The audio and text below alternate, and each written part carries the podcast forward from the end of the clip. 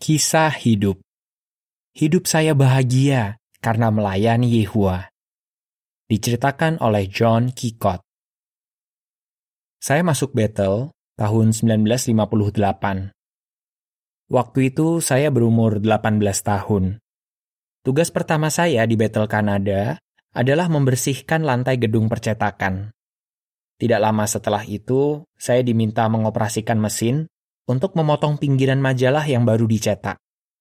Saya sangat senang bisa melayani di Battle. Tahun berikutnya, ada pengumuman untuk keluarga Battle. Dibutuhkan sukarelawan untuk melayani di kantor cabang Afrika Selatan, karena di sana akan ada mesin cetak yang baru. Saya mengajukan diri, dan saya dipilih. Saya senang sekali. Selain saya, ada tiga saudara dari Battle Kanada yang dipilih, yaitu Dennis Leach, Bill McClellan, dan Ken Norden. Kami diberitahu bahwa kami akan melayani di Afrika Selatan untuk waktu yang lama. Saya langsung telepon mama saya dan bilang kepadanya bahwa saya akan pindah ke Afrika Selatan. Mama saya orangnya pendiam, jadi waktu saya meneleponnya dia tidak banyak bicara. Tapi saya tahu mama orang yang rohani, dan saya yakin dia pasti mendukung saya. Memang papa dan mama sedih karena saya harus pergi jauh dari rumah, tapi mereka tidak pernah menghalangi saya. Berangkat ke Afrika Selatan. Sebelum ke Afrika Selatan, kami berempat pergi ke Battle Brooklyn. Di sana kami mendapatkan pelatihan selama tiga bulan untuk mengoperasikan mesin cetak yang besar. Setelah itu, kami naik kapal kargo menuju Cape Town, Afrika Selatan. Waktu itu saya baru berumur 20 tahun. Setelah sampai di Cape Town pada sore harinya, kami naik kereta ke Johannesburg. Perjalanannya jauh, dan saat subuh, kami sempat berhenti di sebuah kota kecil di gurun pasir Karoo. Kota itu sangat panas dan berdebu. Sewaktu melihat keluar jendela, kami heran karena kami belum pernah lihat tempat seperti ini. Kami jadi khawatir seperti apa tugas kami nanti. Belakangan ketika kami mengunjungi kota ini lagi, kami baru tahu suasana di kota itu menyenangkan dan orang-orangnya ramah. Selama beberapa tahun, saya bertugas mengoperasikan mesin linotype. Mesin yang luar biasa tapi rumit ini digunakan untuk mengatur huruf-huruf pada majalah Sadarlah dan menara pengawal yang akan dicetak. Kantor cabang di Afrika Selatan mencetak majalah untuk negara-negara di Afrika, kami sangat senang karena mesin cetak yang kami bawa jauh-jauh ke Afrika Selatan sangat bermanfaat bagi banyak orang. Belakangan, saya melayani di kantor percetakan. Di sana, saya ikut mengurus berbagai hal yang berkaitan dengan pencetakan, penerjemahan, dan pengiriman publikasi. Meskipun saya sibuk, hidup saya memuaskan. Menikah dan mendapat tugas baru. Pada tahun 1968, saya menikah dengan Laura Bowen, seorang perintis yang tinggal di dekat Bethel. Dia juga membantu sebagai juru ketik di Departemen Penerjemahan. Waktu itu pasangan yang baru menikah biasanya tidak melayani di Bethel. Jadi kami diberi tugas untuk melayani sebagai perintis istimewa. Jujur saya agak khawatir. Selama 10 tahun terakhir sejak saya melayani di Bethel, makanan dan tempat tinggal saya selalu disediakan. Tapi sekarang kami hanya mendapatkan penggantian ongkos sebesar 25 ren atau sekitar 500 ribu rupiah setiap bulannya. Kami bisa mendapatkan penggantian ongkos kalau kami memenuhi kuota jam dinas, kunjungan kembali, dan penempatan publikasi. Uang itu harus cukup untuk membayar sewa rumah, membeli makanan, transportasi, serta untuk biaya kesehatan dan pengeluaran lainnya. Kami ditugaskan ke kelompok kecil di dekat kota Durban. Ada banyak sekali orang India di kota itu, karena sekitar tahun 1875, ada banyak orang India yang datang ke Afrika Selatan untuk bekerja sebagai buruh di perkebunan tebu. Tapi sekarang pekerjaan mereka beragam. Orang India yang tinggal di Afrika Selatan tetap mempertahankan budaya dan makanan khas mereka, misalnya berbagai jenis kari yang lesat. Dan karena mereka bisa bahasa Inggris, kami tidak perlu belajar bahasa baru untuk mengabar kepada mereka. Waktu itu, perintis istimewa diminta untuk berdinas selama setidaknya 150 jam setiap bulan. Jadi Laura dan saya berencana untuk berdinas selama 6 jam setiap hari. Cuaca di situ panas dan lembab. kami belum punya kunjungan kembali atau pelajar Alkitab. Jadi kami harus mengabar dari rumah ke rumah selama enam jam. Setelah cukup lama mengabar, saya melihat jam tangan. Ternyata kami baru berdinas 40 menit. Saya pikir bagaimana mungkin kami bisa memenuhi kuota jam dinas. Kami pun segera belajar menyesuaikan diri. Setiap hari, kami membawa makanan dan kopi sebagai bekal dinas kami. Waktu kami beristirahat, kami parkir mobil VW Kodok kami di bawah pohon. Kadang ada anak-anak India yang menghampiri kami dengan rasa penasaran karena warna kulit kami berbeda. Setelah beberapa hari, kami mulai menikmati dinas di sini, dan waktu rasanya cepat berlalu. Kami senang membicarakan kebenaran Alkitab dengan orang-orang di daerah kami. Ternyata mereka ramah, sopan, religius, dan selalu bersyukur. Banyak orang Hindu menyambut kabar baik yang kami sampaikan. Mereka senang belajar tentang Yehua, Yesus, Alkitab, dunia baru, dan harapan untuk orang yang sudah meninggal. Setelah satu tahun melayani di sana, kami punya 20 pelajaran Alkitab. Setiap hari secara bergantian, kami makan bersama dengan keluarga-keluarga yang belajar Alkitab dengan kami. Kami senang sekali. Lalu, kami mendapat tugas baru sebagai pengawas wilayah. Kami melayani berbagai daerah di sepanjang pesisir Samudra Hindia.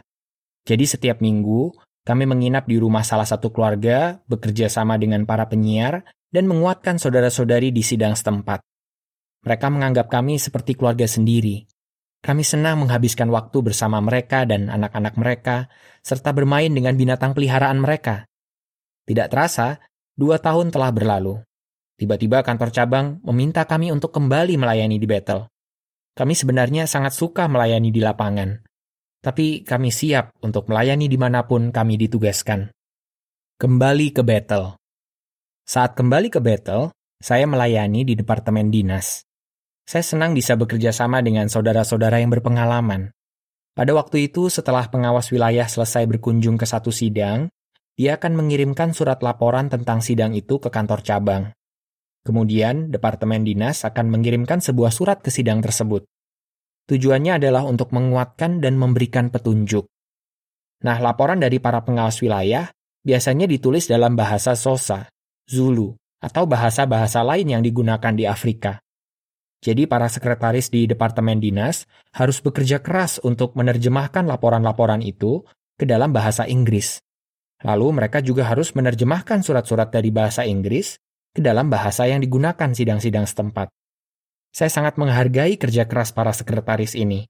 Dan karena mereka, saya jadi lebih memahami kesulitan yang harus dihadapi saudara-saudari kita di Afrika yang berkulit hitam.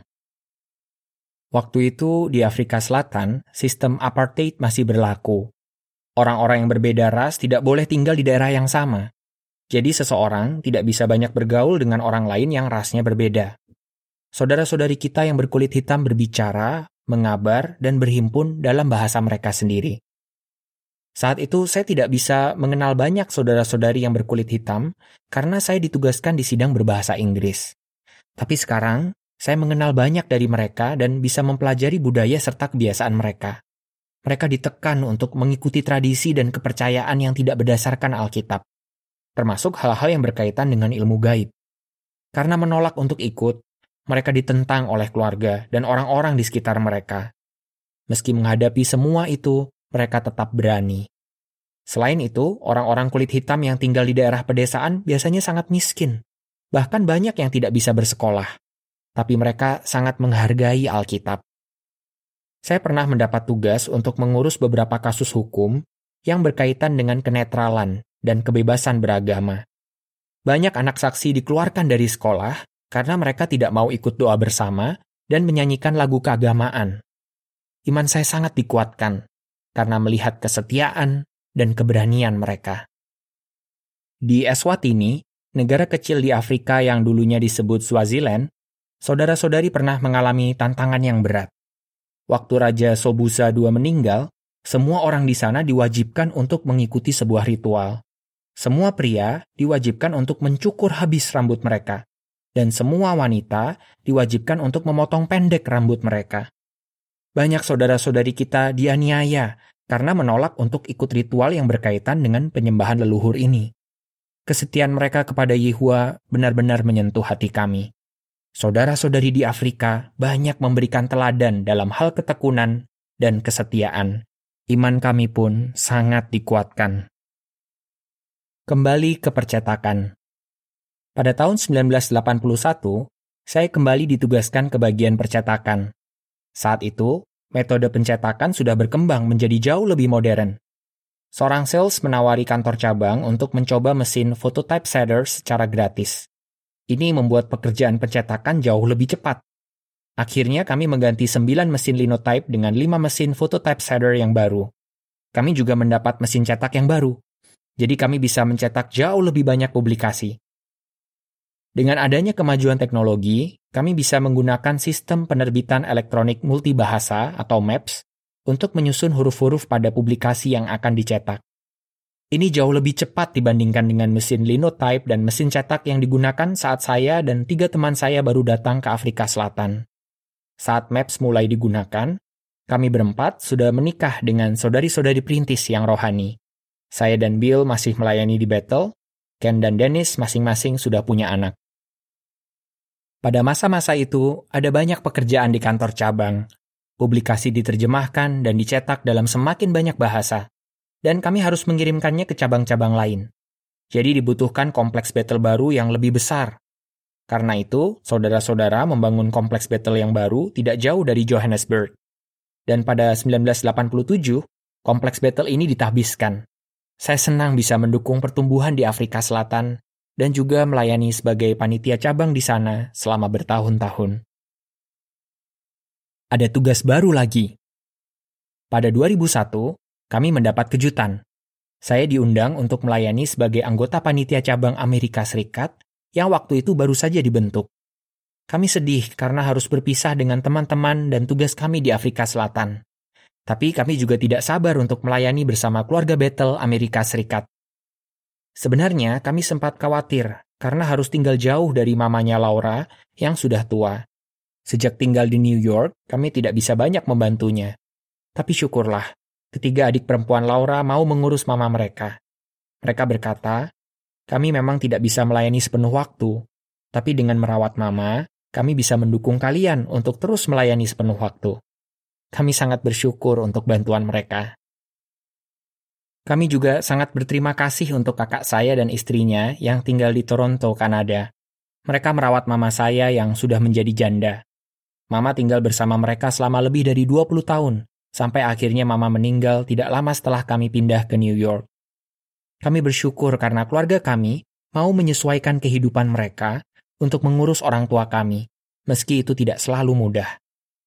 Selama beberapa tahun di kantor cabang Amerika Serikat, saya melayani di bagian percetakan, dan sekarang saya melayani di departemen pembelian. Saya sangat senang karena selama 20 tahun terakhir, saya bisa melayani di sini. Di kantor cabang yang sangat besar ini, ada sekitar 5.000 anggota keluarga Battle dan 2.000 komuter.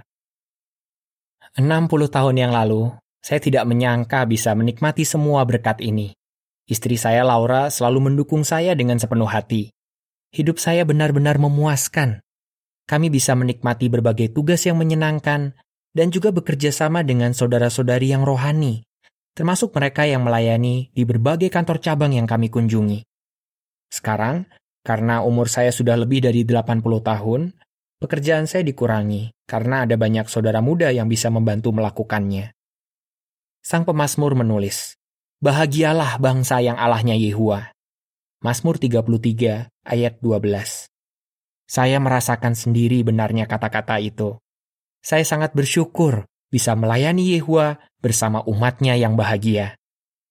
Akhir artikel.